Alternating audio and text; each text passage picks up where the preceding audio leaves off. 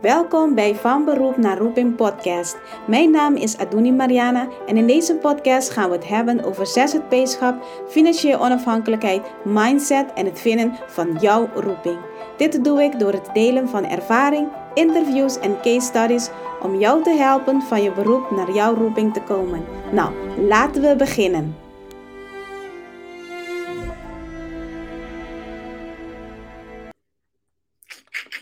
Hallo, hallo. Goedemorgen, goedemorgen.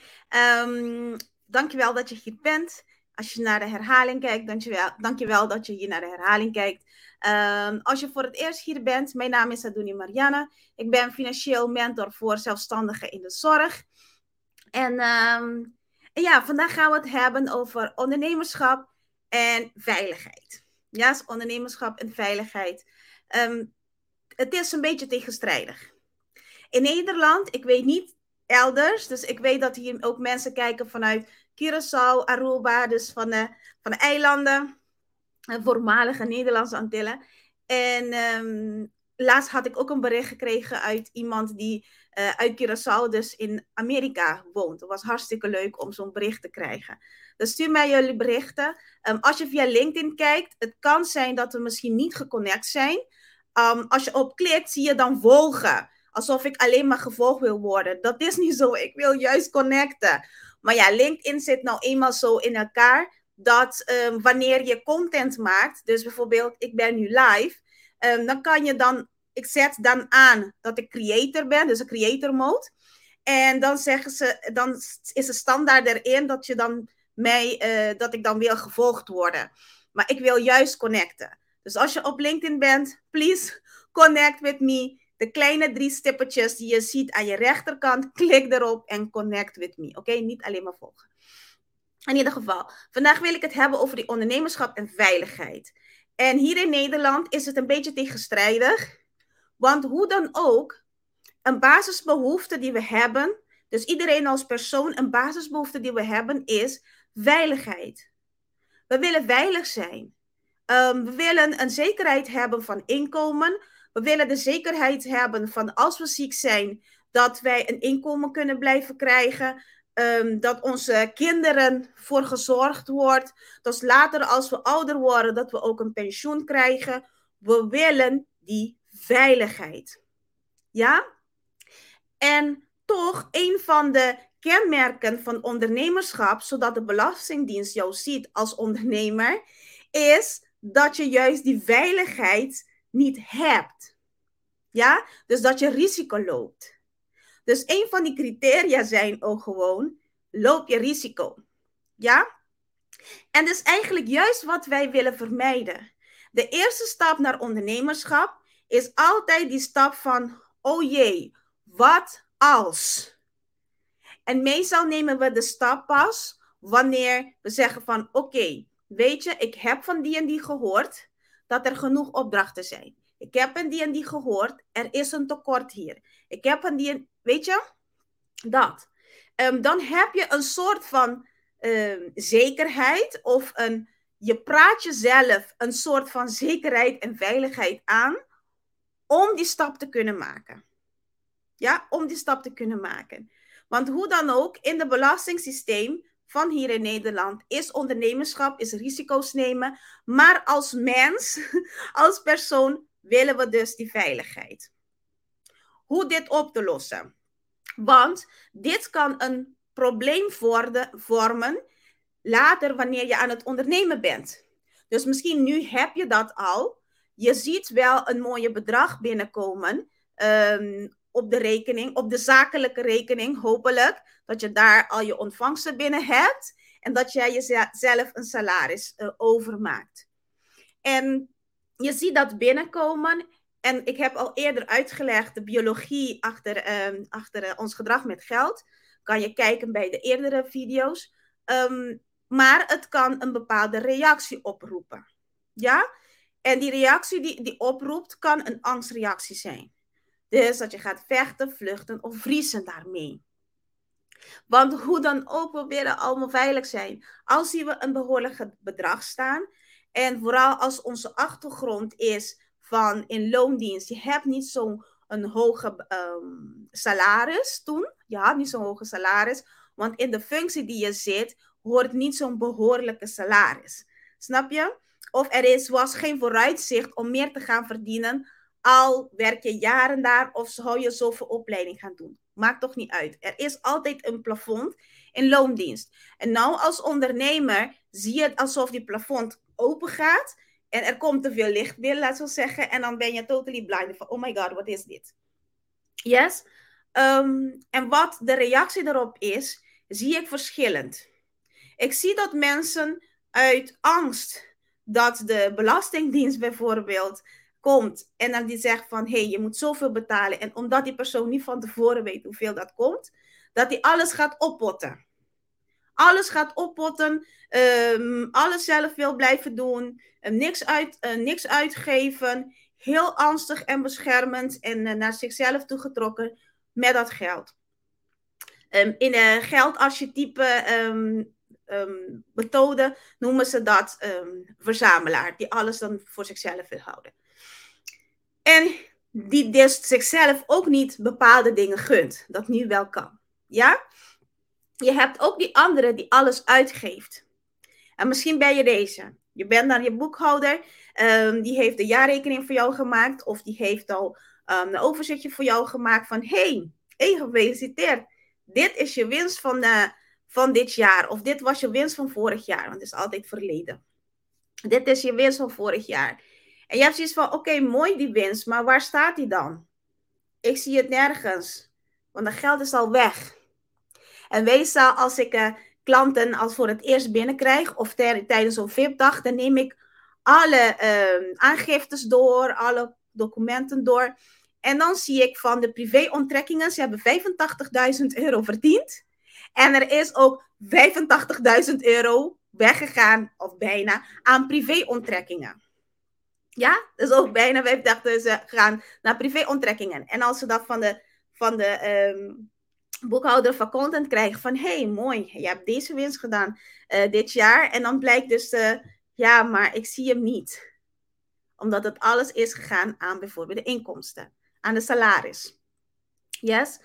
Um, en hoe ga je hiermee om? Hoe zorg je nou voor de juiste balans, zodat jij dus niet het gevoel hebt constant dat, hey, je komt tekort, omdat je het ook super uitgeeft. Je komt tekort. Of dat je tekort komt um, omdat je niet weet wat er gaat komen. Dus je gaat alles oppotten. En dat allebei de scenario's houden de groei van je onderneming, houden eigenlijk de groei van je onderneming um, vast. Dus het kan dan niet groeien. En omdat je onderneming niet kan groeien, of omdat je onderneming niet financieel gezond is, ja, zorg dat weer dat jij dus niet je masterplan, ja, niet aan je masterplan kan komen. Want natuurlijk heb je een doel, heb je een waarom, waarom je dus als zelfstandige bent begonnen. Of waarom je je zorgonderneming bent begonnen. Er is een waarom. Ja? En die kan je pas verwezenlijken als dat vervoermiddel, als het middel, je onderneming, gezond is. Ja? Hoe kan je dit nou doen? Je hebt natuurlijk emoties, je hebt natuurlijk gevoelens, maar daarom hou ik van cijfers. Daarom hou ik van cijfers altijd. Ik weet nog, um, toen ik zwanger was van de oudste van Marvel. En ik kreeg uh, de test, de NIP-test volgens mij heet het. En er was een verhoogde kans op um, chromosoom 18 of zo, afwijken met chromosoom 18. En ik zat er echt in. Want als iemand je zegt, je doet zo'n test. En iemand zegt van, ja, weet je, je hebt de verhoogde kans. De kind heeft verhoogde kans op die en die. En dan lees ik, toen las ik al die dingen samen met mijn man. En um, toen zag ik van ja, die um, chromosoom 18 uh, kan wel een hele voldragen um, kind komen, maar die kan overlijden binnen twee jaar of zo was het. Dus ik zat er echt in. Ik dacht van, oh my god, weet je, verhoogde kans, wat moeten we doen? En je kon nog een vruchtwaterpunctie doen. Ik praat nu iets over negen jaar geleden of zo.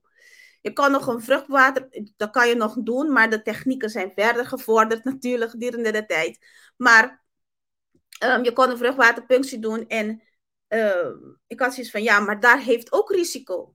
Het kan ook zijn dat er een um, gewoon gezonde kind um, met die bevruchtwaterpunctie, dat je dan ontsteking kan krijgen of zo, infectie kan krijgen bedoel ik. En ja, er is dan een probleem. Wat heeft mij geholpen bijvoorbeeld om zo'n um, keuze te maken? Want emotioneel, ja, emotioneel zat ik er wel in. Zo van, hey, wat is dit? Oh my god. Um, afwijkingen enzovoorts. En ik had ook veel stress op, op het werk. In ieder geval alles bij elkaar. En de cijfers. De cijfers hebben mij geholpen. Ik ging kijken, wat is de percentage dat mijn kind inderdaad zoiets kan hebben? En wat is de percentage dat die punctie laat dat het verkeerd kan gaan? Toen ik die twee bij elkaar hield, was het voor mij al van: oké, de kans dat er iets gebeurt bij de punctie is groter dan mijn kind dit het dat het heeft. Klaar. De cijfers hebben mij uit die hele emotionele rollercoaster hebben ze mij eruit gehaald. En ook hetzelfde bij de ondernemerschap.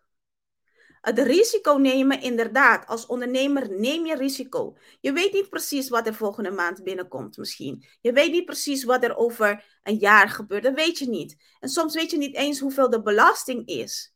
Nou, de klanten bij ons weten wel ongeveer hoeveel belasting ze zouden ehm, kunnen betalen. Want het is dus in een, in een Excel-sheet kunnen ze gewoon, de belasting wordt allemaal voor ze gerekend. Alle minuut. Maar ik kan me voorstellen dat jij in een situatie dat je weet niet wat er aan gaat komen. En aan de hand van het niet weten wat, maak je bepaalde beslissingen vanuit angst. En om terug te komen van haal die gevoelens dan weg, moet je dus naar je cijfers kijken. Want de cijfers hebben geen emotie. De cijfers die hebben niks. Die zijn alleen maar cijfers en die laten jou gewoon de realiteit zien. Ja, die laten jou gewoon de realiteit zien. En vooral ons die in de zorg werken, ja, we maken zoveel dingen mee. We maken zoveel dingen mee. En cijfers is het laatste wat we eigenlijk mee uh, te maken willen hebben. De administratie is het laatste dat we eigenlijk te maken willen hebben. We weten gewoon, je bent goed in je vak. Dat is waarvoor je opgeleid bent. En dat is wat je het allergraag zou willen doen. Of je hebt een andere plan dat ook natuurlijk is met mensen helpen. Want als hulpverlener blijf je gewoon helpen. Maar je moet wel die cijfertjes gaan kijken. Als ondernemer moet je wel naar die cijfers gaan kijken. Want ondanks dat je dus risico neemt in de ondernemerschap, kan je je veiligheid vinden in die cijfers. Kan je die veiligheid weer terugvinden in die cijfers. Kan je richting geven aan je onderneming, aan je diensten, aan je tarieven, aan whatever, door naar die cijfers te kijken. Ja? Nou, je hebt twee opties bij mij. Ik ben natuurlijk financieel mentor en ik help een zelfstandige in de zorg met dit stukje van de cijfers. Met een stukje van de financiën. En je kan twee kanten op. Je kent eentje zo van Adoni. Help me van A tot Z. Hoe dit zit. Help mij om zelf die beslissingen te maken. Ik help jou dus om zelf die beslissingen te maken. Zelf te kunnen, je cijfers kunnen lezen. Hoe je cijfers verwerkt en je cijfers kunnen lezen. Zodat je alle minuut zelfverzekerd zelf financiële beslissingen kan maken. Hoe je dat kan evalueren en dan zorgen dat je misschien de volgende keer beter doet. Of dat je dezelfde resultaat krijgt. Of dat je nog efficiënter maakt. Ja? Of je kan zeggen, Adouni, weet je, ik wil gewoon die cijfers zien. Ik wil gewoon weten van, hey, hoeveel moet ik apart zetten voor belastingen? Hoeveel kan ik mezelf uitkeren aan salaris? Hoeveel heb ik nodig aan investeringen? Wat is wat ik heb aan kosten? Laat me dat eventjes cijfermatig zien, zodat het gevoel van angst, um, het is een gevoel van angst die komt af en toe weer, terug. Ik ga niet zeggen dat ik het 100% weg ga halen, maar het krijgt zijn plek. Het krijgt zijn plek en je kan een conversatie mee hebben. hey, angst, je bent nou even niet hier nodig, oké? We hebben hier alles onder controle. De cijfers kloppen. Dit en dat is de actie die ondernomen moet worden, zodat over drie maanden dit en dat binnenkomt. Snap je? En dat kan je doen in één dag. En dan hebben wij een VIP-dag. Dus um, Als je hier meer over wilt weten, over de VIP-dag of over de A tot en met Z implementatie en hele, um, dat je leert hoe jij zelf jouw um, financiële beslissingen kan maken, zelfverzekerd zelf financiële beslissingen kan maken, neem contact met me op. Vraag een oriëntatiegesprek en ik zal de link hieronder zetten en dan kunnen we het erover hebben. Ik moet wel erbij zeggen, niet iedereen is geschikt voor zo'n VIP-dag. Een VIP-dag is voor iemand die sowieso al minimaal een, een jaar uh, een inkomstenbelasting ooit heeft gedaan. Want ik heb natuurlijk cijfers nodig om, meer, uh, om meer, jou meer duidelijkheid te geven.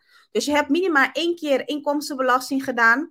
Um, en je hebt ook een mate van zelfstandigheid. Dus wanneer we alles mooi in kaart hebben gebracht en je krijgt je actiestappen, dat je het ook zelf kan uitvoeren. Ja, dat is dan zo'n VIP-dag. Maar je krijgt al je percentage van je belastingen. Je krijgt een hele prognose dat je dan kan zien. En je krijgt dan de actiestappen dat je dan zelf zou, um, zou kunnen implementeren. Ja? Maar in zo'n jaartraject neem ik jou bij de hand, maar daar moet je ook al zelfstandige zijn. Dus als je nog zelfstandiger moet worden, ja, kan je hieronder tikken help. En dan stuur ik jou onze eh, checklist met hoe word je zzp'er in de zorg. Maar de oriëntatiegesprekken is puur voor mensen die al zelfstandigen zijn. En dat je dan twijfelt van, oké, heb ik, klopt dit in de fase van mijn ondernemerschap? Wat heb ik precies nodig?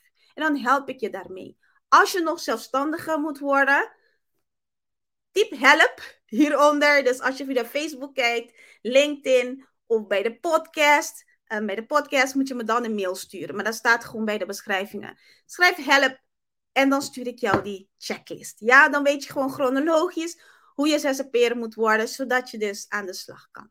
Yes? Nou, um, ik hoop dat jou dit heeft geholpen vandaag. Uh, ondernemerschap, risico nemen en veiligheid kan bij elkaar samen. Maar je moet wel naar je cijfers kijken. Yes? Oké, nou, fijne dag nog, een fijne weekend en eigenlijk ook fijne week. En tot volgende week. Yes? Doeg!